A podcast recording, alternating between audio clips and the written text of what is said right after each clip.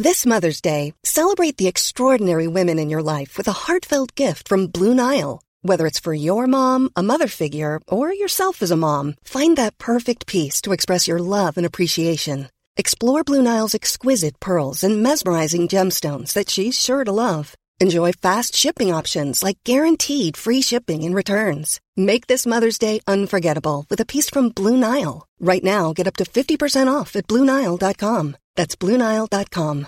Quality sleep is essential. That's why the Sleep Number Smart Bed is designed for your ever evolving sleep needs. Need a bed that's firmer or softer on either side? Helps you sleep at a comfortable temperature? Sleep Number Smart Beds let you individualize your comfort so you sleep better together. JD Power ranks Sleep Number number 1 in customer satisfaction with mattresses purchased in-store. And now save 40% on the Sleep Number limited edition Smart Bed for a limited time. For JD Power 2023 award information, visit jdpower.com/awards. Only at Sleep Number stores or sleepnumber.com. Hallå! Simon Gärdenfors heter jag och snart börjar min podcast Arkivsamtal. Fredagen den 9 oktober släpps Mina Problem avsnitt 6 på YouTube. Det är säsongsavslutningen och sitcomen får en alldeles speciell gäst som jag tror ni kommer att älska. Gå in och prenumerera på YouTube-kanalen Specialisterna Humor och ladda upp med att kolla på alla fem tidigare avsnitt av sitcomen. Plus, där finns också stand-up av mig och Anton och mycket mer helt gratis. Stötta gärna mig och den här podden och min övriga verksamhet eftersom jag drar in minimala summor under pandemin annars. Swisha en slant till 0760 72 47 28. Du kan också bli avsnittsdonator på patreon.com arkivsamtal. Då får du tillgång till massor av exklusiva bonusavsnitt och mycket mer. Länk till detta plus swishnumret finns även i avsnittsbeskrivningen. 15 och 16 oktober kör jag stand-up live i Stockholm. Alla mina gig hittar ni på gardenfors.blogspot.com. Där finns länkar och info. En sak till. Glöm inte att följa mig på Instagram. Där heter jag atgardenfors. Men nu kommer Arkivsamtal som klipps av min redaktör Marcus Blomgren. Mycket nöje.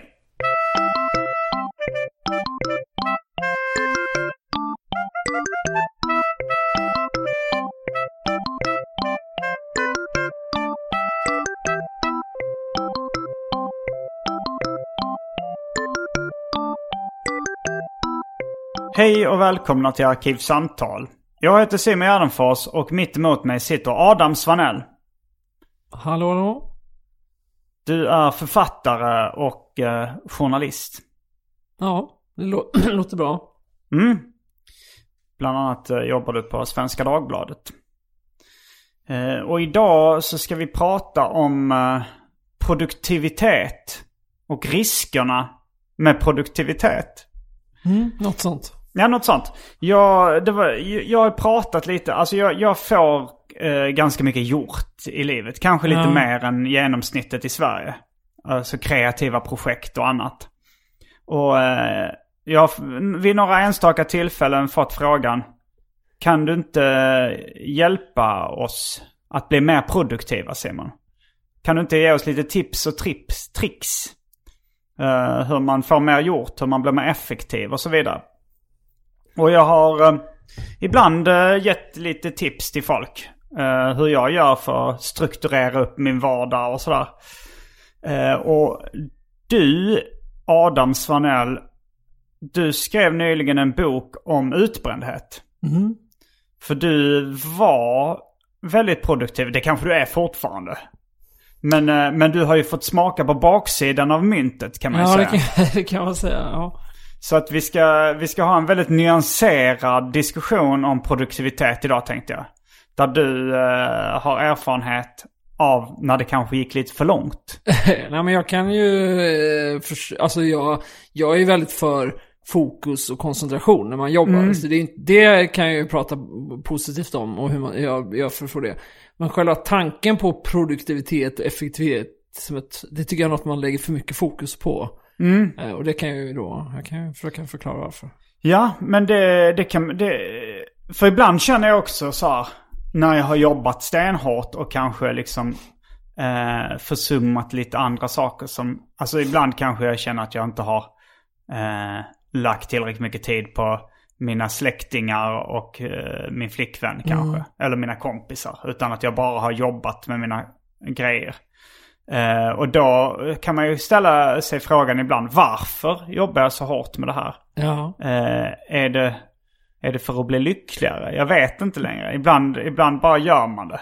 Ja. Och det, det jag för mig du skrev. eh, Jag, jag läste ut din bok nyligen och jag tyckte den var jättebra.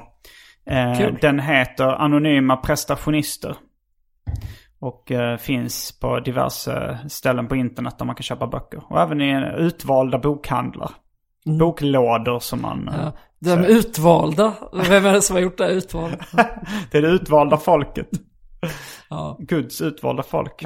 Men, ehm, men vi kanske innan vi sätter tänderna i detta matnyttiga ämne så ska vi kasta oss in på det omåttligt populära inslaget Välj drycken.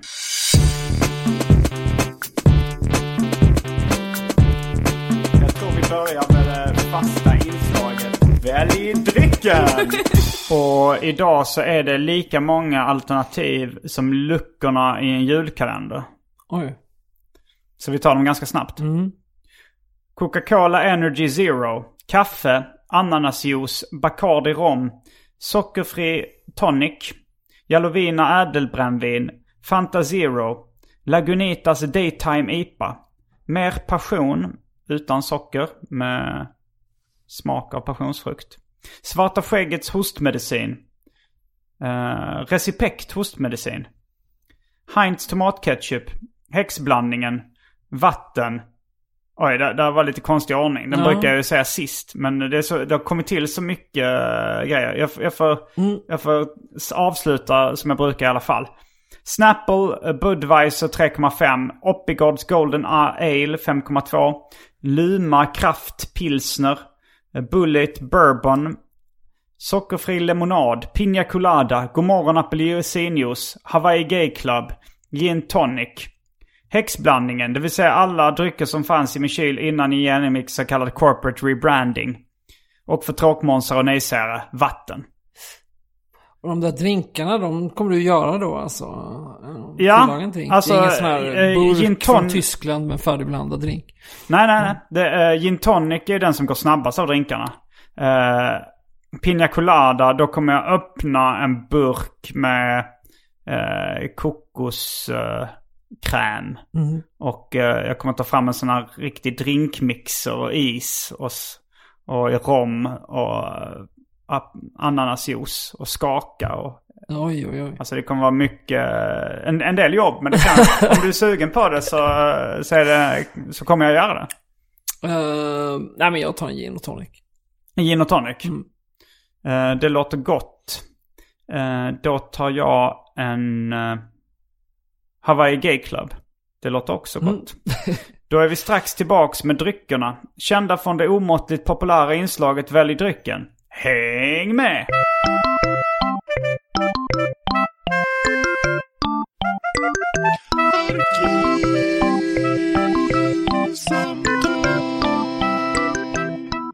Då är vi tillbaks med dryckerna. Kända från det omåttligt populära inslaget Välj drycken.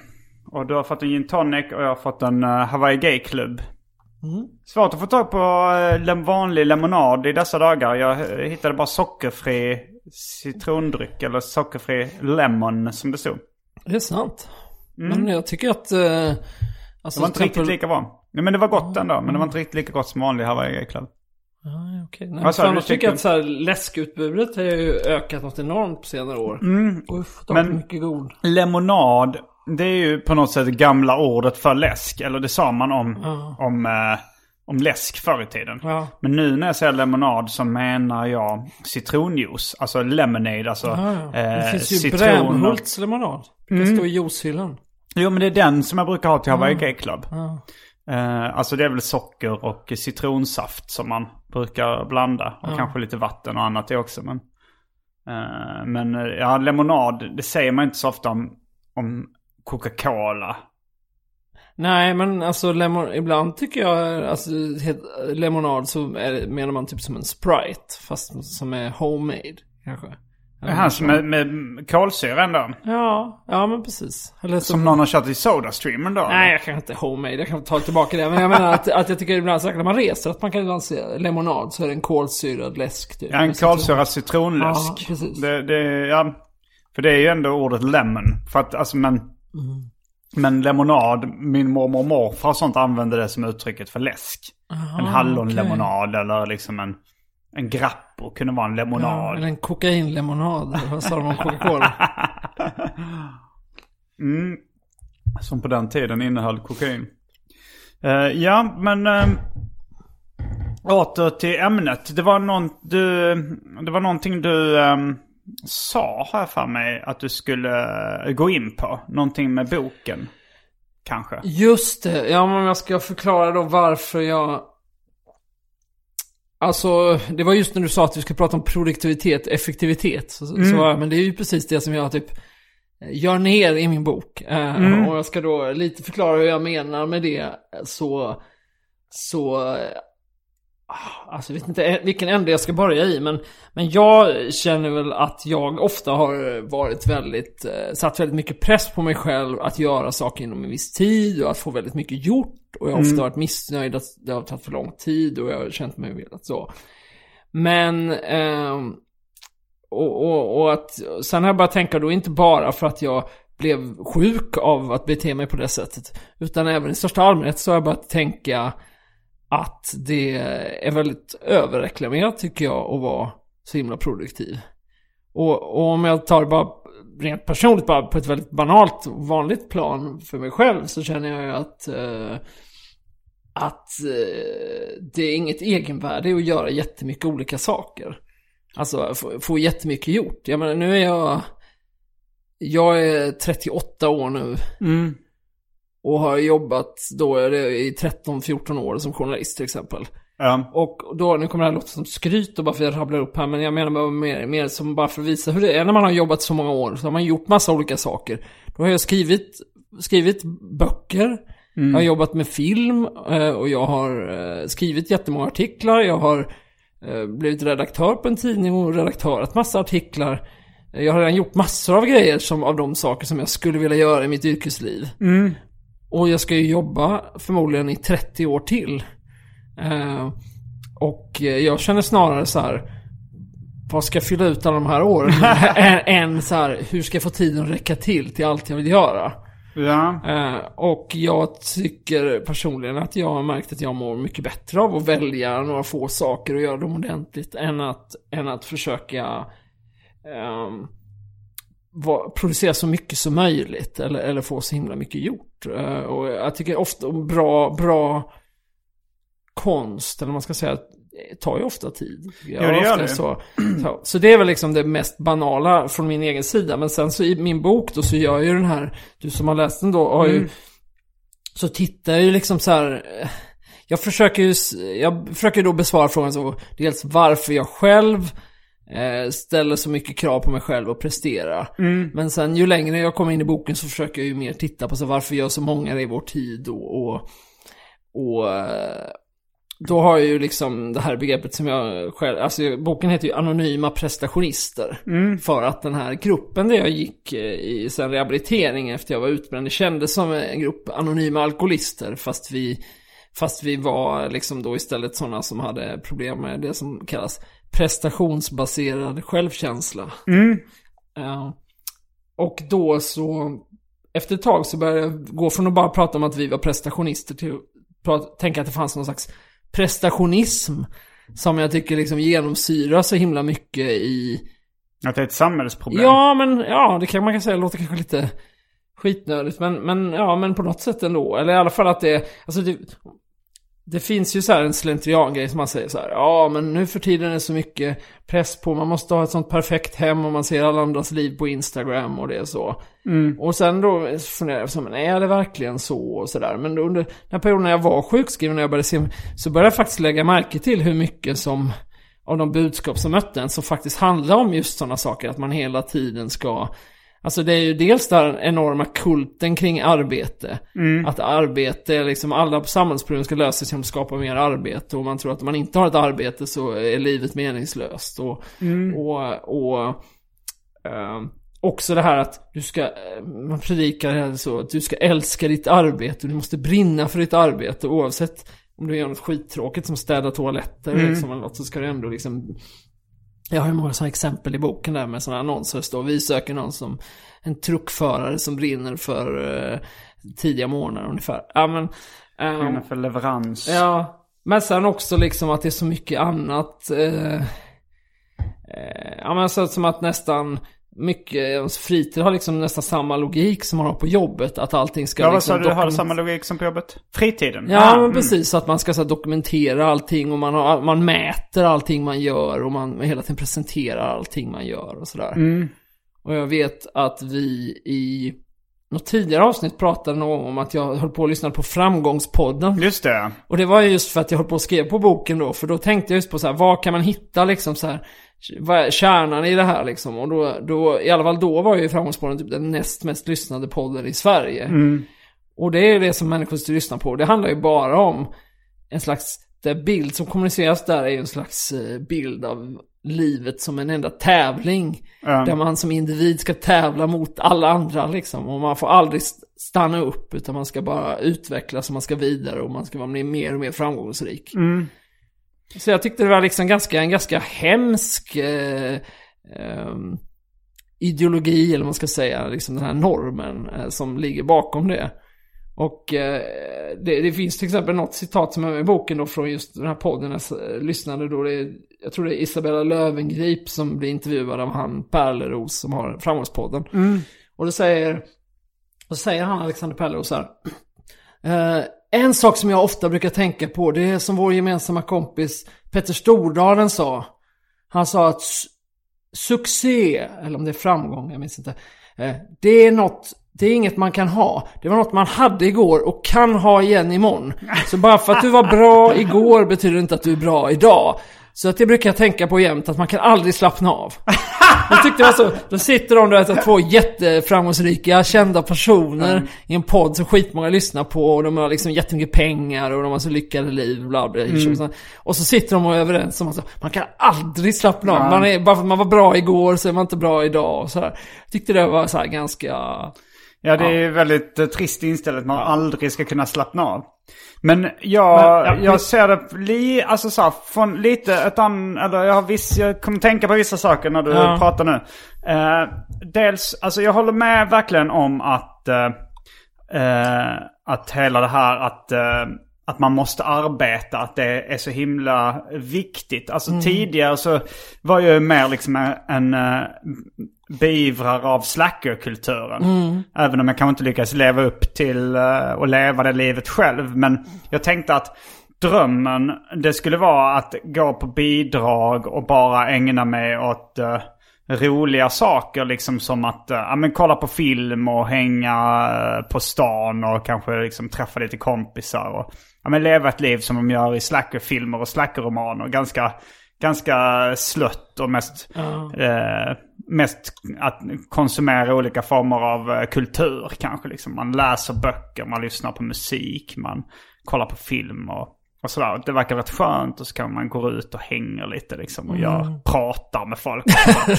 Eh, och kanske inte liksom prestera så mycket eller, för, eller är så produktiv. Nej. Och det tycker jag absolut att det finns, det finns ju möjlighet för folk att göra det idag eftersom maskiner och indu, alltså liksom sen industrialismen så finns det ju mycket mer, eh, alltså alla människor för att upprätthålla den standarden vi har idag, liksom så här tak över huvudet och mat för dagen och, och sådär så behövs det ju inte riktigt att alla jobbar längre. Nej. Nej men det är ju en av, också ett av mina liksom, argument mot den här enorma hetsen kring Mm. effektivitet och produkti- produktivitet är ju att den inte behövs. att Mm. Ja, den men så är liksom- det ju. Eh, Men sen har jag ju märkt att liksom, när jag, jag siktade in mig lite på ett sånt liv eh, efter jag slutade skolan. Men det jag tyckte var roligast att göra det var ju då att teckna serier. Och sen så började jag göra musik och, och hålla på med, med stand-up och, och sånt där. Och tyckte att det var, det var ju roligare att göra att göra grej, att göra egen populärkultur än att bara konsumera det. Tyckte liksom, det insåg jag att det här är roligare och jag fick liksom Eh, jag kände att jag mådde bättre psykiskt när jag höll mig aktiverad med att, att göra grejer. Alltså så här, om jag bara låg och läste en hel dag så mådde, mådde jag mycket sämre än om jag liksom skrev den eh, motsvarande tid. Ja. Eh, så, så det var ganska mycket för min egen skull också. Att, och sen så var det väl att när man väl kommer in i ett sånt här eh, liv, eller när man börjar göra grejer så för att kunna överleva på det, som både du och jag gör, vi lever på det vi tycker är roligast i stort sett. Då måste man ändå nå upp till en viss nivå av produktivitet, effektivitet och prestationer, skulle jag säga. Eh, för jag, jag känner ju jättemånga som håller på med stand-up eller serier eller musik och sådär som inte kan leva på det. Och det största anledningen att de inte kan göra det är att de inte lägger tillräckligt mycket tid på det. Eller fokuserar tillräckligt mycket på det. Och då är det väl så att både du och jag har ju liksom har ju kämpat rätt hårt med det. Men kanske, men att vi kanske, eh, vi kanske inte hade behövt ex, eh, lä- lägga exakt så mycket tid som vi har gjort. Men, men det finns ju också en balans. Hade vi lagt för lite tid så hade man ju halkat ur branschen på något sätt. Då hade man Ja. inte kunnat leva på det. Man hade inte varit eh, liksom en del av, eh, av folk som, de, om, om, man- om man liksom ska boka en journalist till någonting eller liksom en komiker så hade man inte tänkt på våra namn ifall man liksom, för att när man nått den nivån. Så att man måste ju ändå jobba ganska hårt bara för att nå en acceptabel nivå. Jo, absolut. det. Det, det har du ju såklart rätt i. Och det är klart att det är lätt för mig att sitta och säga att man ska ta det lite lugnare när jag redan har slitit eh, hårt med det jag håller på med länge. Liksom. Ja, och fått, Eh, och fått en position där du är hyfsat trygg. Där Ja. du ändå får en lön och du, du, liksom, du kan göra, fortsätta göra grejer som du, eh, som du gillar. Så är det ju, och så är det också såklart så att, att hela min argumentation och det jag skriver i min bok kommer ju ur den här erfarenheten jag har haft. Att jag själv har varit för fokuserad på sånt här och sen har jag blivit sjuk och så har jag omvärderat. Mm. Det är klart att, att jag är ingen extremist mot, eh, mot produktivitet. Och, och det är ju, jag menar, jag menar inte heller att man bara ska slappa. Eh, Men, men jag tycker att eh, man behöver inte lägga så himla stor vikt vid just, eh, alltså om man tänker effektivitet och produktivitet som att hinna med så mycket som möjligt på så lite tid som, som möjligt och att man, att det hela tiden måste komma ett resultat i det man gör. Så Man- tycker jag att det är fel fokus liksom. Ja, Och- jag vet inte, jag lever nog ganska mycket för resultatet. Alltså så här, om jag, ska, om jag håller på med en serieroman så är det ju liksom resultatet är själva boken. Ja. Och det, det, det, är, rätt- det är rätt mycket jag försöker hålla fokus på. Det, och det är det som, när jag har ett sånt fokus så känns livet mer meningsfullt också tycker jag. Alltså för att man tänker att ja, men de valen man gör eller sånt, att det ska leda fram till att den här boken ska bli så bra som möjligt. Eller, eh, och, så jag, jag, jag och, Men i och- viss mån måste man väl det för att motivera sig. Ja, ja. någonstans så, den där payoffen blir ju aldrig lika stor sen när det väl är klart. Som man kanske föreställer sig. Nej, man lär så sig att det är ju ändå tag. processen som, för nu blir det lite klyschigt kanske, men någonstans är det ju liksom processen ändå Jo, för den tar ju mycket längre tid. eh, Som eh, liksom, Men sen lär man sig också att alltså jag har gett ut uh, rätt många böcker. Och, jag, och efter ett tag så vet jag ju ungefär hur mycket jag kan förvänta mig av eh, njutningen när väl boken är Ja. klar. Att det första gången kanske det var lite, alltså då man var, var lite mer stapplande så här. Okej, är, det, är, det, är det det här, känner man så här efteråt? Okej, ja det kanske, jag vet, jag vet inte om det levde upp till mina förväntningar. Det, det var nog, eh, eh, alltså på ett sätt var, det- alltså fick jag mer uppmärksamhet och medie, i media och sånt än vad jag hade räknat med när jag, när jag gjorde min första bok då, Turist. Men, eh, men, men sen, sen så kanske den andra boken var lite mer så här, ja men där trodde jag att jag skulle få mer uppmärksamhet. Jag trodde att fler skulle gilla den och sådär. Och då var det lite en besvikelse. Sen efter ett tag så lär man sig, okej det här är resultatet om jag är ut en skiva eller en låt eller sådär. Sen, sen vet man inte heller vad mottagandet blir och vad, hur, hur njutningen blir sådär.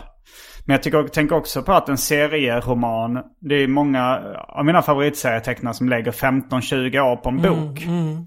Och där är det ju inte så som du säger riktigt att hur ska man få tiden att Eller då är det mer hur ska man få tiden att räcka till än snarare vad, hur ska man fylla ut. För att liksom 15-20 år det blir inte så många böcker. Nej man men jag tycker det låter föredömligt då menar jag. Jag tycker att det låter, alltså.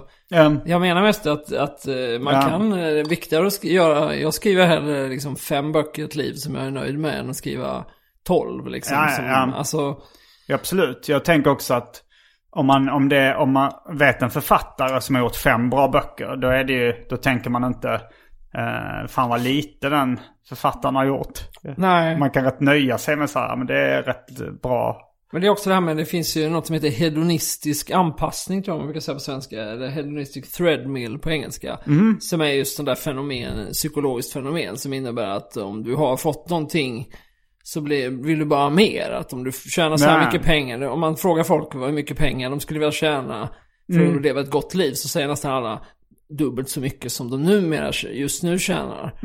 Eh, och eh, så där är ju liksom allting, att så här man liksom man jagar efter någonting och man tänker ja men jag har bara gjort det här och så, och så. Så, men sen när man kommer dit så är man inte nöjd utan man bara vill ha ännu mer och mer och mer. Så där, det är väl också det att jag, jag tror inte liksom att eh, ett för målinriktat fokus är, är så bra för måendet heller. Liksom. Det är mycket bättre om man det. klarar av att fokusera på, på att uppskatta att man kan syssla med något kul.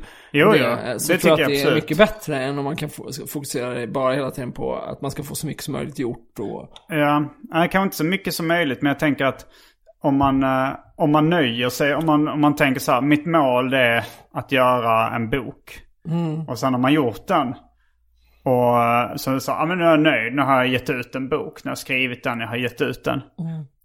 Då, om man då är nöjd, nöjd ifall man känner så ah fan jag vill göra en till. Då tänker jag, då får man den här eh, moroten att göra någonting till och då kanske man mår bättre av att vara aktiv och liksom det, det, det är ju ändå Ja. kul att hålla på ja, men med jag är det. som sagt, jag är inte emot att göra. Det är Men- mer det här med produktivitet som lägger fokus på att liksom mängden och Ehm. liksom... Eh, vad fan ska vara, ja just liksom Mm. pumpa ur sig. Det tycker för mig är det så här en, en liksom industriell kapitalistisk logik, syn på Ja. världen liksom. Att, att, att man eh, liksom bara hela tiden ska producera och skapa ett, skapa eh, ett värde, liksom ett eh, ekonomiskt Mm. värde. Jo, det, det, det, det har du rätt i att man ska, alltså man ska inte göra för mycket. Men jag tror det, det svåra för folk är att komma igång lite överhuvudtaget. Att, rätt, att rätt många som, eh, om jag skriver så här standup-material så har jag liksom en, en rutin att jag skriver ett skämt varje dag och det, och det tar kanske mellan, ofta mellan 20 minuter och, och två timmar kanske. Ja. Och tänka ut det och, och formulera det och, och, och sådär. Men, eh, och då gör jag lite varje dag. Men de flesta som håller på med stand-up skriver nästan aldrig nytt. För att de liksom, de får inte in rutinen. Nej. Eller så här, att de skjuter alltid upp den delen. Och, eh, och jag tror att det är, svår, det är svårt att hitta en balans att, att göra lagom mycket. Jag tror problemet är att man, vissa gör nästan ingenting och vissa gör för mycket. Så är det nog i hela samhället. Att, att alltså de som har jobb jobbar tills de blir utbrända och sen så är det väldigt stor arbetslöshet eller väldigt många... Absolut, och det problemet kan jag ju känna själv, alltså finns inom mig, eller vad ska jag säga, att när jag har perioder när, när jag har för mycket att göra, ehm, då tycker jag att det jobbet är väldigt kul, men samtidigt så känner jag, åh, det är slitsamt, vad fan skönt det ska bli om några veckor och bli lite lugnare. Och sen när de här lugnare veckorna kommer, eh, då känner jag mig bara uttråkad. Då tycker jag inte jobbet är kul. Så att det där att... Så det att, blir låt, att nej men, eh, jo men det är ju kul när det är mycket att göra, men samtidigt är det jobbigt då och då liksom längtar man efter vila. Så det är som att, eh, att uppskatta jobbet utan att låta det ta för mycket plats, eh, tycker jag är helt eh, skitsvår balans att få till.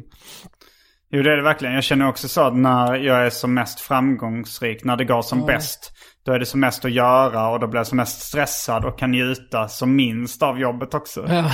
Det, det är ganska jobbigt. Men, eh, Men sen är det också det här med effektivitet, det är också liksom den här idén om att tid, att man har så ont om tid. Ja, Som jag också liksom eh, försökt komma bort från att tänka så, för man har egentligen rätt mycket tid. Alltså livet är långt och Ja, är folk det. gör ju mycket mer det fin- jag skriver ju, nu blir det kanske väldigt teoretiskt, men i min bok så skriver jag en del om, om en tysk eh, sociolog som heter Hartmut Rosa. Och han skriver just om så här alltings acceleration. Hur han menar liksom att eh, allting, Eh, allting, han menar typ att det som kännetecknar liksom moderniteten eller så de senaste 200 åren, mer än något annat, mer än liksom kapitalism, mer än individualism och mer än sekularisering och så är accelerationen då, att allting går snabbare och snabbare. Både liksom teknikutvecklingen och, och eh, sociala förändringar och, och hur folk upplever livet. Och att allt det här förstärker varandra. Så att om det liksom, du får snabbare bilar och bättre datorer och så, så känner folk, eh, oj då förändras eh, samhället också och saker där går snabbare och förändras och livsmönster. Och så känner folk en stress att de måste hänga med och lära sig det nya. Och då så vill de ha ännu snabbare teknik och så håller det på sådär. Men en av hans poänger är just att han menar att eh, hela det upplevelsen av att ha dåligt med tid är en illusion som bara handlar om att man hela tiden ändrar förväntningarna på vad man ska hinna göra. Alltså att om man förr skrev ett brev så var det liksom, tog det lång tid, man skulle skriva det för hand och sen så skulle man gå och posta det och sen skulle det ta veckor innan det kom fram och sen skulle man gå och vänta på ett svar och så. Och så uppfinner man e-mail. Och då bara, åh vad vi kommer spara mycket tid nu för när vi kan skicka ett, mail på några, ett brev på några sekunder. Men då istället så börjar folk skicka mycket fler brev. Ja. Och så kom, slutar det med att det tar upp större delen av, större del av ditt liv än vad brevskrivandet gjorde tidigare. Och då menar han att så funkar det med jättemycket liksom. Att vi, vi människor nu idag, vi, vi gör mycket fler saker och förväntar oss mycket mer under ett liv. Eh, och att det, det tror inte jag... Ja. Men jag tror på ett sätt det har varit bra för att liksom ju mer, eh, eh, ju mer som människan då har kunnat lägga tid på Alltså ju mer effektivt det blir. Du kan skicka de här breven snabbare. Du kan producera mat snabbare och sådär. Det har gjort, eh, tror jag, att fattigdomen i världen och svälten och lidandet har minskat. Att alltså nu är det ju mycket mindre del av eh, jordens befolkning som lever eh, fattigt. Jo, jo, som visst. Jag menar inte att- och det att beror det ju liksom- på... eh, Men det är också samma sak, för att gå tillbaka så kan man ju, det här med hedonistisk anpassning, det kan Mm. man ju nästan se på ungefär samma sak på landsnivå. Att i fattiga länder som blir rikare och rikare och, eh, vad heter det, tillväxten ökar, Mm. då blir ju också, kan man se att folk mår bättre. ja. Men efter en viss nivå så, så ebbar det där ut. Så Mm. att liksom där vi lever i Sverige så tror inte jag att vi liksom eh, blir lyckligare och bättre för att vi har mer pengar och hinner med mer och gör mer och arbetar mer liksom.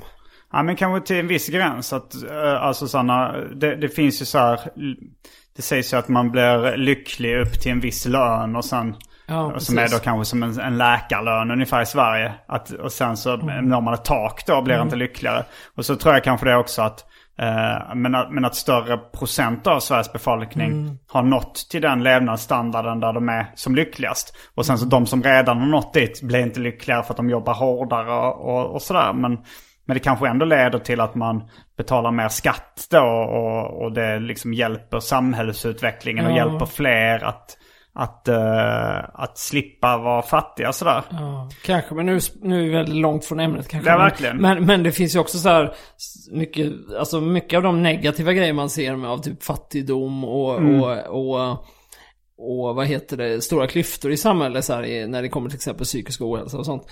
Det är mer kop, det är kopplat till relativ fattigdom, inte till absolut fattigdom. Nej. Så det är ganska att om du lever i ett samhälle där folk andra är jätterika, Ja. så mår du dåligt av att du inte är det. Jo, Liksom. jo, det har man ju läst Det- om att så här, de, ja, att det, du är lycklig om du är rikare än din granne eller har det bättre ställt än din granne. Oavsett hur rik eller fattig din granne är. Det, är- eh, och det är det är jätteintressant. Men jag Ah, ja, tänker... men ska vi gå tillbaka till hands-on då? Ja, enkelt? mer, eh, ja hur, för, jag- för jag tänker att det finns ju tricks för att då eh, få, om, om man nu är, vill liksom få, få mycket gjort så att man i alla fall startar sin karriär. så att man bara kan börja leva på det man vill göra. Då måste man ju vara rätt fokuserad och disciplinerad. Och, eh, och, men sen, sen eh, även om man vill göra så mycket som möjligt så är det ju dumt att bränna ut sig. Eh, om vi ska börja med de varn, vad är varningstecknena? Liksom när man... eh, Ja, när, man, när man känner att man, eller när man märker att nu, eh, för att det är dåligt, alltså även för effektiviteten och produktiviteten är det dåligt att vara utbränd. Ja, ja, absolut. Och även vara på väg att bli det är ju, mm. alltså, det heter ju, eh, alltså jag tycker ju då till exempel att den här eh, metaforen gå in i väggen mm. är dålig just för att det låter som att man bara springer och springer och sen mm. bara pff, slår man i en vägg och sen ja. är det kört. Uh, men i själva verket så är det ju ofta så att man liksom mår sämre och sämre och sämre och hjärnan funkar sämre och, mm. och man liksom det är som en... Uh, det, man liksom faller ut för och sen till slut så bara... Pff, så går det inte alls längre. Um, så, så även... alltså det finns sådana uppskattningar av så här, Eh, just produktiviteten tror jag det är. Av hur mycket den minskar eh, när folk mår dåligt och stressade på jobbet. Och det är ju liksom eh, kan vara en, jag kommer inte ihåg, det var för länge sedan jag sysslade med detta. Men det är verkligen mm. så att ä, även personer som inte har gått, blivit sjukskrivna utan som bara är väldigt stressade. Mm. Tror man är egentligen en jättekostnad liksom för att de går runt och inte kan tänka ordentligt. Ja, eller de är liksom för stressade för att jobba precis. effektivt. Ja. Nej men jag kommer ja. ihåg om jag ska ge tips till mm. hur man får saker gjort. Ja. Så var det, för när jag började eh, som serietecknare då. Då var det, då kommer jag ihåg att jag, eh, nej men, eh, skulle, det var ett lov, ett, kanske ett sportlov mm. eller sånt när jag skulle vara hemma hela sportlovet. Och så hade jag tänkt eh, att jag skulle göra, ja men jag ska teckna, teckna den här serien och så ska jag göra några skämtteckningar och så ska jag skicka in det här till någon tidning och så, och så hade jag liksom lagt upp grejer jag skulle göra. Och så, eh, och så gjorde jag så här, jag gjorde klart en serie och sen så var det så här, oh, jag, så kanske jag tog en tupplur, orkade mm. inte och sen och sen så var jag så himla besviken på mig själv att jag hade gjort för lite under det lovet. Mm. Och så ringde jag min polare som också tecknar serier och han sa Men du gjorde ju klart en serie. Mm. Var nöjd med det. Jag har inte gjort ett skit mm. hela lovet. Mm. och då, då kände jag ändå så här, ja men Ja men det kan jag ju vara nöjd med. Alltså att jag ändå gjorde någonting. Och, eh, och då snackade jag också med David Liljemark som var, eh, som liksom var lite mer etablerad serietecknare på mm. den tiden än vad jag var.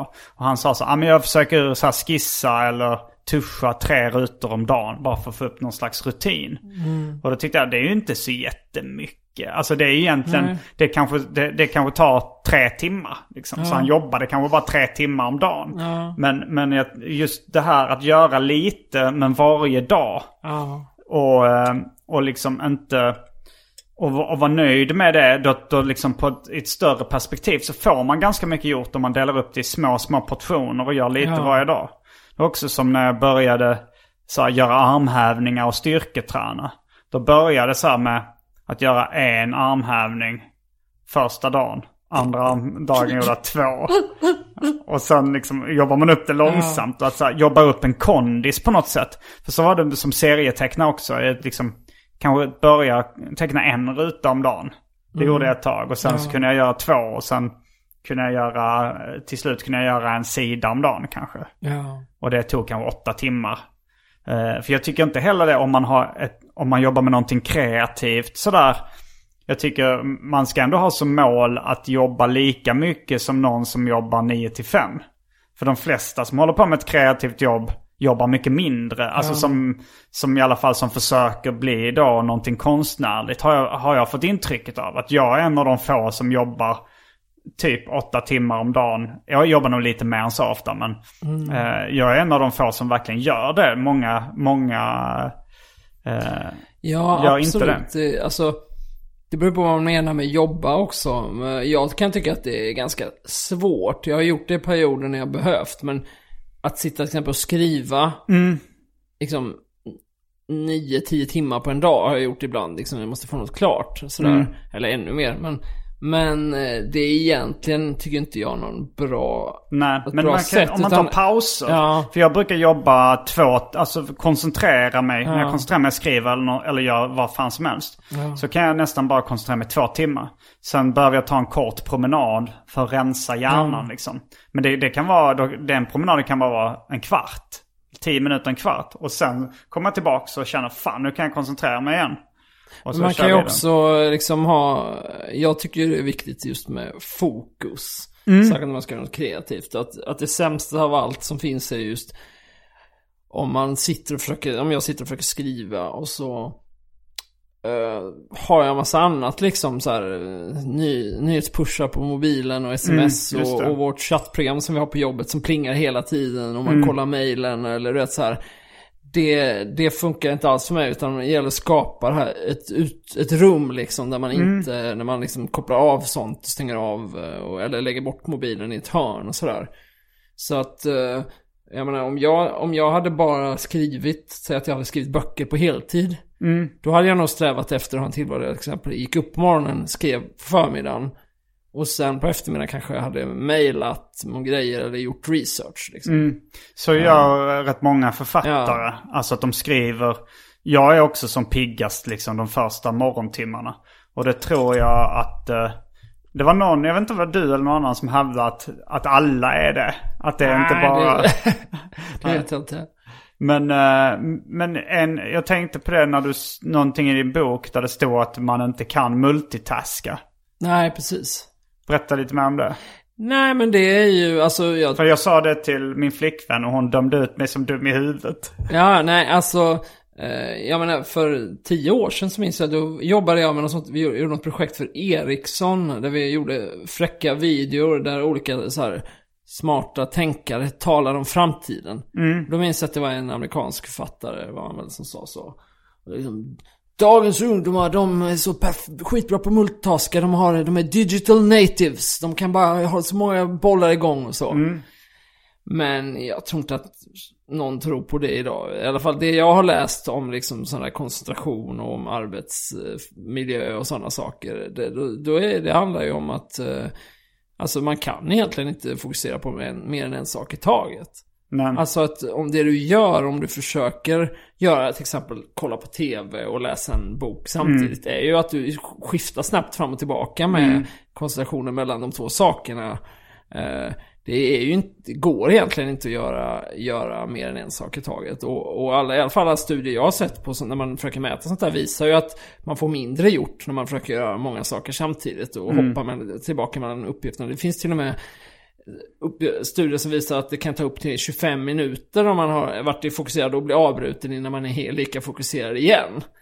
Eh, så att eh, det här att försöka liksom hålla flera grejer eh, igång samtidigt tycker jag är bara jättekorkat. Att liksom det är bara en illusion av, av effektivitet. ja, även, även så när jag hade...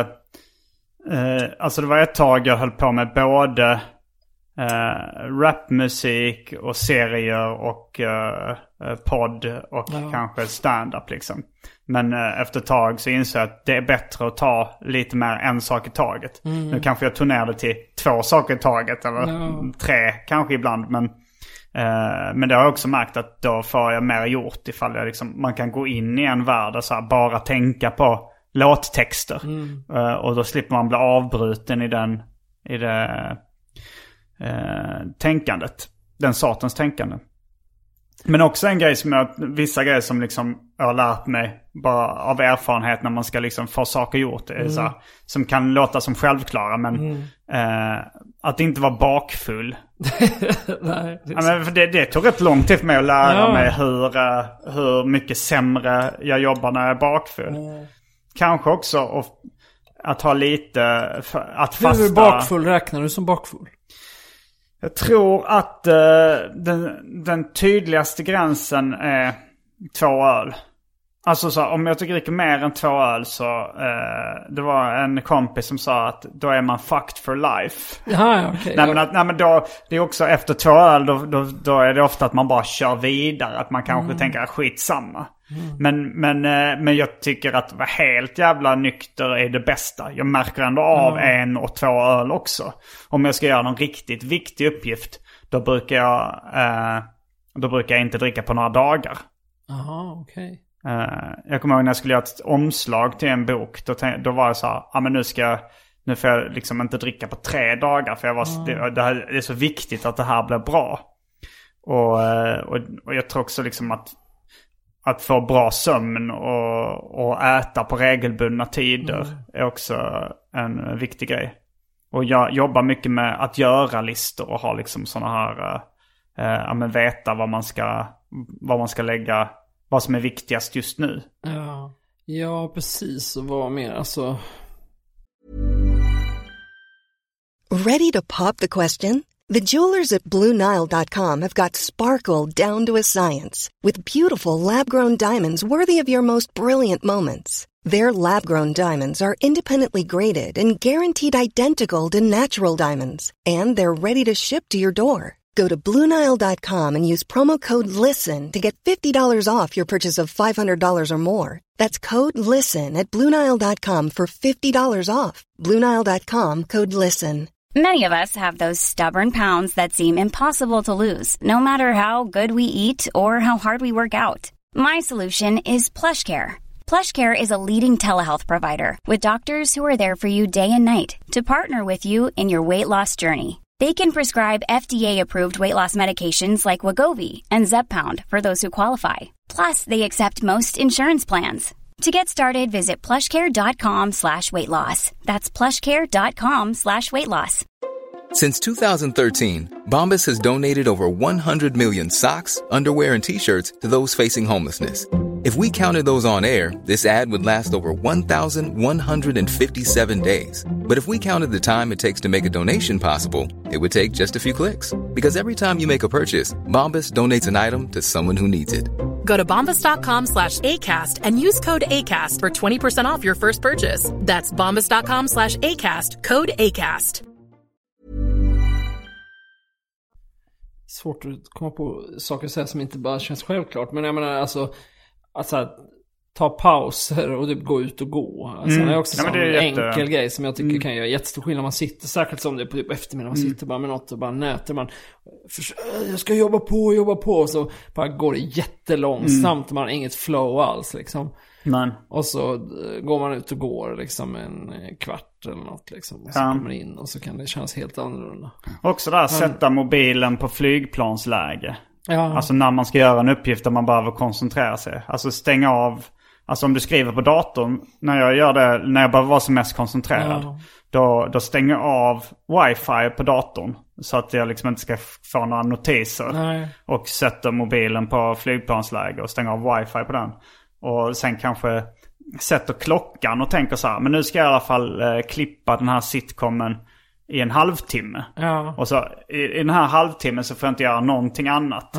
Eh, och då, då lurar jag mig själv lite ibland också att det är så här. Men när det gått en halvtimme, då är jag så inne i det och då bara fortsätter jag Ja. ett tag till. Men sen behöver jag liksom en, en paus. Men det är ju, det, det där är, det är ju lite väldigt likt det som kallas pomodoro-tekniken. Ja, den har jag talat om också. Men, Det är ju eh, nästan samma sak. Alltså ja. det handlar just om att man så här, man ska jobba i 25 minuter. Mm. Och under de 25 minuterna får man inte göra något annat än jobba med exakt den grejen. Mm. Och sen eh, ska man ha en klocka som ringer efter 25 minuter. Då ska man ta 5 minuter då man måste göra något annat. Mm. Och när jag arbetar med det så måste jag erkänna att jag också ibland så är man inne i flow. Så jag bara fortsatt jobba liksom. Eh, och det får väl vara okej liksom. Men, men det är väl någonting med det psykologiska. Man, man vet att man kommer få... Nu har man bestämt, ja men fan jag kan inte... Klart jag måste klara 25 minuter. Alltså det känns lite futtigt om man Ja. skulle fuska och gå in och kolla Facebook under de 25 minuterna. Samtidigt så, så får man ju då, om man följer här så får man ändå små avbrott som Mm. man, kan, man kan glömma bort annars. Men som så här är bra. Så jag tycker att det är... Ja men den är rätt eh, bra metod. Alltså jag har ju kört något liknande. Men när jag försökte, jag laddade ner den appen någon gång och försökte. Då, då kunde jag inte riktigt hålla det. Jag lyckades inte hålla eh, Pomodoro-metoden. Men, men jag hade gjort något liknande tidigare. Men det, när jag har varit som mest eh, effektiv skulle jag säga är när jag... Det var när jag skulle, göra, när jag skulle teckna boken Simons 120 dagar. För jag var ute på den resan som liksom gav eh, inspirationen till den först. Men sen när jag satte mig, då jobbade jag verkligen så här. Ja men att jag gick och la mig samma tid varje dag. Och att jag sa eh, typ 20 över 11 så skulle lampan vara stängd, släckt och jag skulle försöka sova. Oj. Och sen sa jag kanske 07.40 så ringde klockan. Och, så, och sen så liksom skulle, så kunde jag då ta en dusch eller vad jag gjorde. Och sen 9 skulle jag sätta igång. Och så gjorde jag liksom, och så, så gjorde jag en ruta och sen fick jag ta en paus. Och sen gjorde jag en ruta till. Och, så, och sen liksom var det, när jag gjort, jag skulle göra en sida per dag. Och det, ibland så tog det mindre, men det, vanligtvis var det liksom ett 9 5 jobb. I, om, jag var, om, om jag hade tur så kunde jag bli klar lite tidigare och ibland lite senare. Men, det, men då var det nog liksom, och då, då, då jobbade jag bara åtta timmar om dagen ofta. Eh, men jag har aldrig fått mer gjort i hela mitt liv. Alltså känns det som. Du börjar aldrig tidigare än nio då? Nej. För det har jag, alltså jag, just det där att, att eh, man jobbar bra på förmiddagen och morgonen. Det känner jag eh, är, när jag har riktigt mycket att göra. Då brukar jag ställa klockan riktigt tidigt. Och jag är liksom ingen morgon, alltså jag gillar inte att gå upp på morgonen. Jag har bara märkt att, att det, eh, det är väl dels det här att liksom inget, alltså i mitt jobb är det ju rätt så att folk hör av sig, det är lätt att bli störd liksom. Eh, Just så då det, kan man men- liksom, då är det skönt att börja innan folk har liksom kommit igång. sett, men, Jo. men också så upplever jag att, jag upplever att jag har ett väldigt, eh, det är som att ju längre dagen går ju mer så här dimmig blir man i huvudet, ju Mm. mer olika intryck är det. Så här, men just när man har gått upp så är det väldigt så här, liksom. Exakt, Så det eh, känner jag också. Ja, så Och, att jag har eh, liksom i perioder när, jag har skrivit bok och så har det hänt att jag har liksom gått, ställt klockan på säg sju då. Mm. Och så bara gått upp och kanske bara ätit lite yoghurt och gjort kaffe. Sen börjat skriva direkt. Mm. Eh, och sen skrivit nästan maniskt fram kanske i tio eller något. Men, Och där någonstans så, liksom efter kanske tio timmar så börjar jag bli lite seg i huvudet. Mm. Och då kanske jag äter en mer rejäl frukost liksom. Men att det är som att det är någon sån energi där precis nästan direkt efter man har vaknat. Jo. Det här är man väl olika hur man funkar liksom. nej men jag, jag vet inte, jag känner exakt så också egentligen. Alltså när, när jag gjorde då så hade, hade, jag haft, hade jag ännu mer energi precis när jag vaknade. Och nu kör jag det att det första jag gör på morgonen är att gå en promenad och hitta på ett skämt. Ja, För jag känner verkligen att direkt på morgonen så är jag som, Mm. som eh, skarpast, liksom, som mest koncentrerad och som, så, som kreativast. Och nu kom jag på, det var min kompis Viktor Arve som var källan på det, att det gäller alla. Okej. Han påstår då att, eh, eh, att det här med morgonmänniskor och kvällsmänniskor, det är bara snack. Alla är som mest koncentrerade på morgonen. Eh, sen, eh, det, det håller inte min flickvän med om till Nej, exempel. inte min heller. Nej. Mm. Eh, Jag vet ganska många tror jag som är så att de tycker att de jobbar skitbra på kvällen till exempel. Ja, jag gjorde det när jag var, jag, när jag var tonåring. Eh, s- fick jag för mig. Men jag, jag tror lite bara det var det här om kvällen för den late bråttom. Att jag hade inte kommit igång med någonting förrän ganska sent. Och sen kunde man komma in i något litet groove sent på kvällen när man var lite trött i huvudet och kunde sitta och skriva liksom. Men, men jag tror det bara, det var nog mer en ursäkt för att jag inte hade orkat komma igång tidigare då. Ja, nej men om man bara får återknyta lite till det här med Mm. att jag, alltså, så menar jag bara att jag tycker att det är mycket hets kring att man måste vara så jävla produktiv hela tiden och så. Mm. Men, men jag menar att, eh, att få fokusera Ja. kan ju snarare minska stress ofta. Ja. Alltså att många, jag vet, ofta kan det ju vara en stressfaktor att folk upplever att de inte får tid att utföra det de ska. Alltså att eh, Mm. Ja, ja. eh, det, det, en bekant till mig som liksom blev sjukskriven för utmattningssyndrom, som, som just var så här, Nej men det var så, hon tyckte det var så svårt att få något gjort på jobbet. För hon satt med kollegor som bara, deras jobb var mer så att de kunde, det funkade för dem att sitta och småprata under tiden. Men hon behövde verkligen fokusera och det var helt omöjligt när det var så här. Och det var så mycket fika och det var liksom så. Så hon liksom eh, blev typ utbränd av att inte hinna göra sitt jobb typ. Eller så här, delvis. Eh, så jag menar, så därför tycker jag att det är liksom en helt annan sak det här att fokusera på. Att Ja, få, fokus än, än på att liksom känna att man måste... Jo, det är ju att, att, att tricks för att bli fokuserad, det är ju både eh, ett eh, tricks för att slippa bli utbränd och tricks för att få så mycket gjort som möjligt. Så det är väl liksom bra på alla sätt att att vara fokuserad. Och det är ju svårt eh, om man, eh, som klichén heter, i dagens samhälle. Alltså är det svårt att fokusera för att man hela tiden får notiser. Jag har stängt av alla pushnotiser förutom sms. För att det, det är inte, alltså så här, alla har inte mitt telefonnummer. Och det är ganska, och sms eller ringa, det, och, och, ja men det tar lite mer emot än att skicka liksom en, ett meddelande på Instagram eller. Eh, vad, hur har du det med notiser på mobilen? Nej, jag har inte på Instagram och sånt, men jag har ju Messenger också till exempel. Mm. Ehm, Ja, där har jag inte ljudnotiser. Ibland har jag så att det dyker upp liksom eh, brickor. Men det är Ja, inte att det det. plingar till eller surrar till någonsin från Just Messenger. det. För då har det blivit för mycket. Eh, och när jag, när jag ska jobba som mest koncentrerat då kör jag flygplans helt och ja, hållet. det brukar jag också. Eller bara lägga, till och med lägga telefonen i ett annat rum. Mm. Alltså en annan sak, jag vet inte om det har med produktivitet att göra, men bara om man vill vara kreativ och vill om håller på med någonting, Mm. tycker jag, för att jag pratar om i något annat avsnitt, att jag gillar att och liksom inte lyssna på någonting när man typ är ute och går eller så. Mm. Eh, och det tycker jag är, är, för mig är det så här, för att om jag håller på och skriver med någonting eller vad det är, och sen känner jag så, åh gud vad, vad, vad skönt, nu är jag klar för dagen liksom. Nu ska jag bara lyssna, nu bara sl- slår jag på arkivsamtal och bara och har det på hela kvällen sen och bara så. Mm. Då blir, dras jag ju med av det och sen så liksom eh, Ja, då distraheras hjärnan bara. Det är som någon slags bara opium för folket. säga. men, men om man så här eh, till exempel ute och promenerar och eh, eh, inte liksom hela tiden eh, lyssna på någonting eller ska göra någonting utan eller så bara då då, då eh, bearbetar man ju alla de här sakerna hela tiden. Eh, De, alltså om man ska göra något och man, ja men nästa vecka ska vi vara där och snacka om det och sen så ska jag skriva den där grejen. Rätt så väl så att du bubblar någonting upp liksom. Så jag känner mycket av saker jag skriver eh, sådär, tycker jag ofta att de så här nyckelformuleringar, så bra tankar som jag har fått och sånt. De har jag ju skrivit i anteckningar i mobilen. För att det är inte så att när jag sitter framför datorn och nu gäller det alltid som det där kommer. Utan det kommer ju någon helt annan gång liksom. Ja, ja. Eh, Så det är väl bara sånt annat enkelt råd. Att alltid så när man får en tanke, alltid dels skapa utrymme för att få de här tankarna och sen eh, bara skriva ner allting.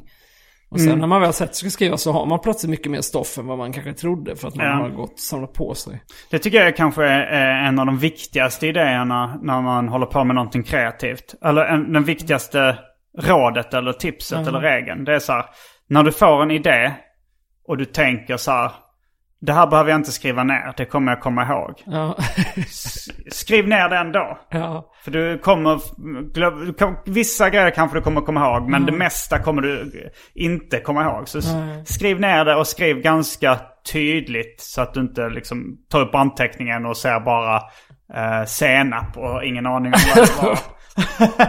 Nej men skriv liksom vad idén är. För det, det, det är också någonting jag har fått lära mig den hårda vägen. Liksom. Man, Jag vaknar mitt i natten, har en skitbra idé, tänker så här. Åh, jag orkar inte sträcka mig efter mobilen. Eller för, för 20 år sedan var det papper och penna. Ja. Jag orkar inte hämta det liksom. Och så, ah men fan jag kommer ihåg det här. Och sen vaknar man, vad fan var det jag hade en sån jävla toppen idé. och så har jag glömt det. Så skriv ner allting. I just det fallet tänker jag att det är ganska troligt att det var egentligen var en riktigt pissig idé. Ja, för det mesta, alltså men det är väl så här, men kanske en på tio kanske är bra. Ja. Och då är det värt det att göra det ändå. Men just promenader och sånt också, jag... Nej, men ju, när, jag, när jag försöker hitta på skämt, då går jag också promenad. Då lyssnar inte på Ja. någonting annat heller. Liksom. Då, då är jag bara inne i mina tankar och gör det. Och det var också eh, när eh, jag hörde en intervju med, eller det var kanske jag sa extra materialet på Seinfeld DVD-boxen. När de, manusförfattarna då, jag tror det var Larry Charles som snackade om hur de skrev manusen. Då sa han så här, "Ja, men det är, det är mycket promenader. Jag, han, Larry Charles och Larry David brukade då gå över någon kulle, liksom långa promenader. Då, tänk, då tänkte de som bäst.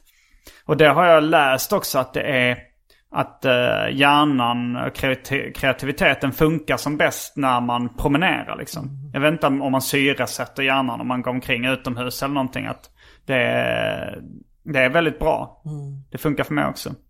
Ja. Så, ja, en del blandat matnyttiga tips med, med varningar från, eh, för att inte göra, och ett ifrågasättande av... eh, det. Ja, men det, Jag det, svarar i och för sig aldrig på din fråga där om eh, varningssignaler, men jag vet inte. Nej, men det, jag fram. tänker att lyssna på kroppen. det är väl en kliché. Men jag, jag vet inte, för det, det är så här, när man läser din bok så var det väl så här, det var rätt tydligt att du höll på att bli utbränd. Du fattade själv.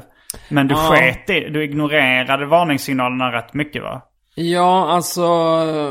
det där är olika. Vissa beskriver att de, att de, fattar inte vad som hände eller så. Men, Så var det inte alls för mig. Utan jag förstod verkligen att jag var väldigt stressad. Och sa nog det till många också. Gud vad jag är stressad, det här känns inte bra.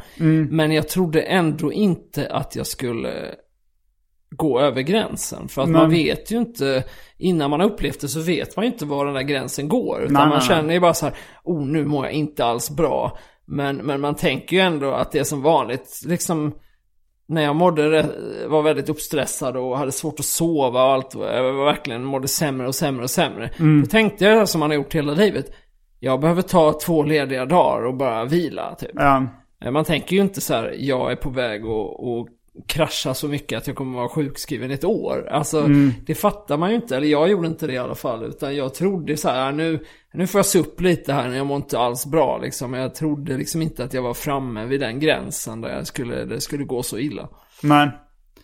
Ja, Jag har haft perioder när jag känt att så här, nu är jag så jävla stressad att jag tycker inte det här är roligt längre. Nej.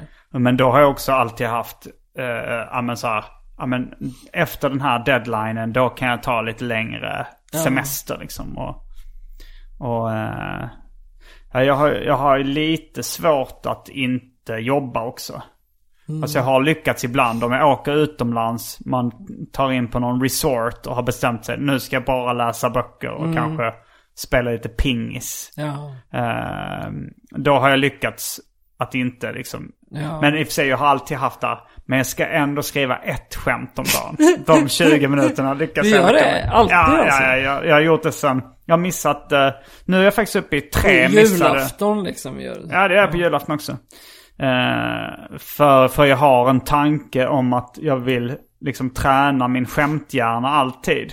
Händer det att du skriver så, du känner själv så att du har skrivit ett riktigt skitskämt bara för att ha gjort, bakat av det liksom? Många gånger. Ja.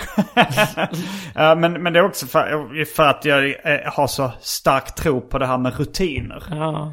Eh, nu, nu har jag faktiskt missat tre gånger. Jag började i eh, 2012. Ja. Typ samt, lite strax, ja, men samtidigt som jag började planera starta den här podden. Liksom. Någon gång sommaren 2012 så började jag skriva skämt. Så att jag har skrivit, och jag har skrivit minst ett om dagen. Vissa dagar skriver jag fler.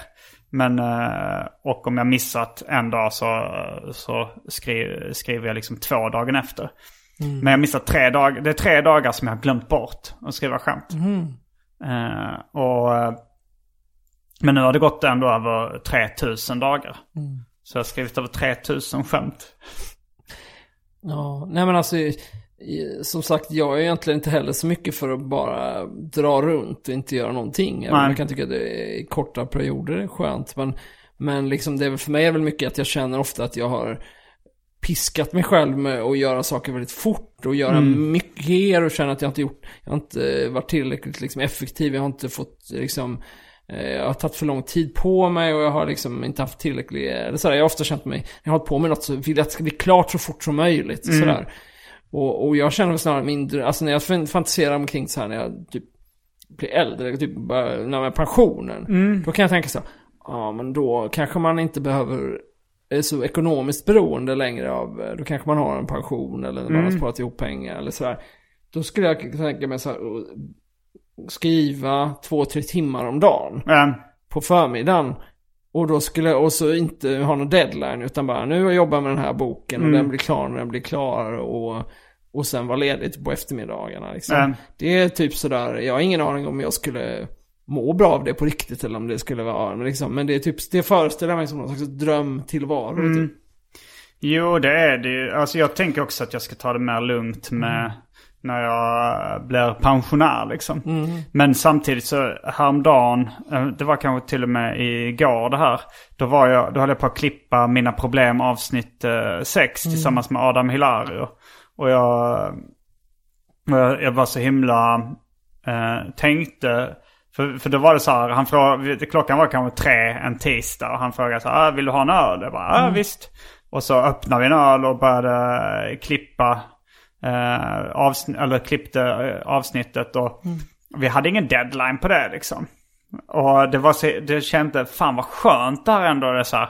Jag kan göra det jag helst vill, det vill säga göra en, en sitcom.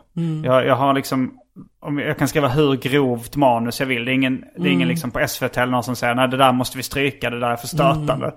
Och jag har, jag har ingen deadline framförallt. Det får bli klart Mm. när det blir klart. Och man kan dricka på arbetstid.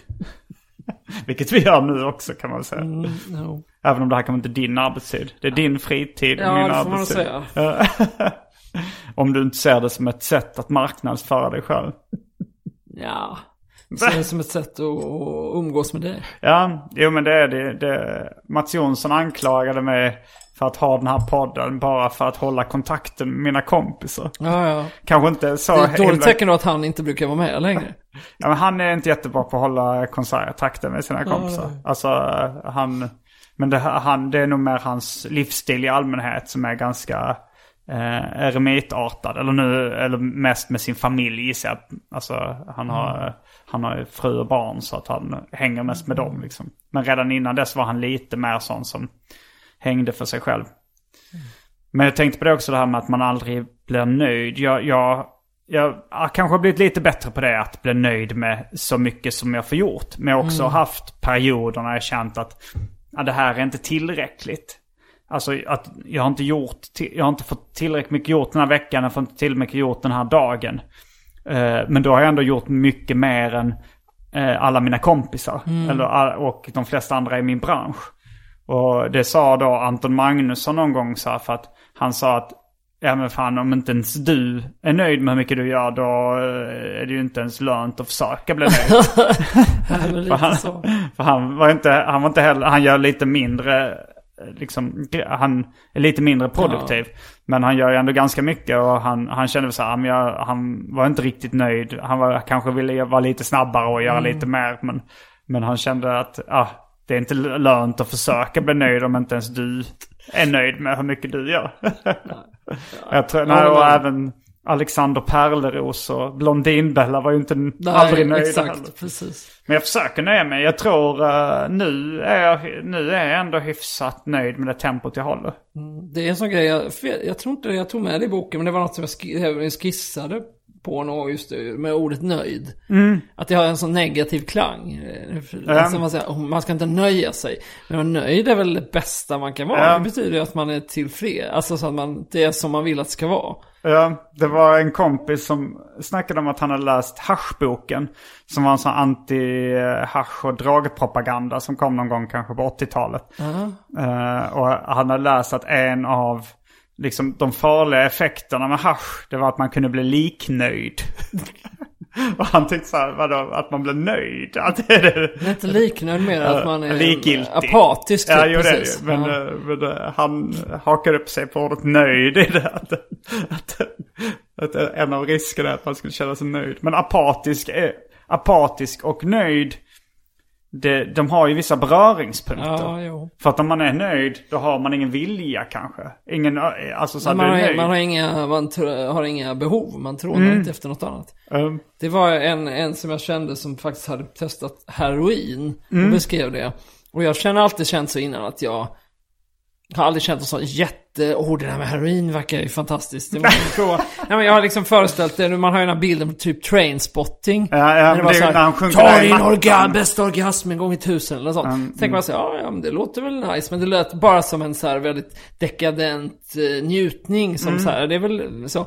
Men så hon då beskrev det som så här, nej men det känns som att allt Eh, det finns ingenting du vill ha, utan du har allting som du vill ha. Allting, det känns som att allt är exakt som du skulle vilja att det var. Eh, att du känner en total tillfredsställelse med hur ditt liv är och allting är. Utan all, allting är perfekt så. Gör att Du känner dig nöjd helt enkelt. Mm. Och då kände jag plötsligt att det känns, lät mycket mer eh, attraktivt. Ja. Jag bara, gud, det skulle jag vilja uppleva liksom. Jag gillar den scenen i Trainspotting där han sjunker ner i mattan. Det, det, det ser så himla skönt ut. Ja. Eh, vad är det för, vad är det för det låt? Uh, som det är någon mjuk poplåt som spelas också. Jag måste kolla upp det. Men jag, det var ett citat jag hörde en heroinist som sa också. Innan jag började med heroin så hade jag jättemycket problem. Nu har jag bara ett problem. Det är bra. Ja. Och med de orden så kanske vi ska Men du har väl testat opi opiater? Alltså så här, eh, eh, har, du, alltså, har du inte smärtstillande typ uh, Treokomp eller något sånt? Jo, det har jag väl Och det, är- det, men det, är ju, det, det är väl liksom, då har du väl sniffat lite på heroin. Ja, jag är inte säker på att jag har provat det faktiskt. Men, Ja. ja, eh, men det kanske är dags att börja runda av det här eh, samtalet som vi kallar arkiv. Är det ny? Vad sa Är du? det ny? Ja, den kom i Catchphrase. stunden. Eh, jag heter Simon Gärdenfors. Jag heter Adam Svanell. Fullbordat samtal.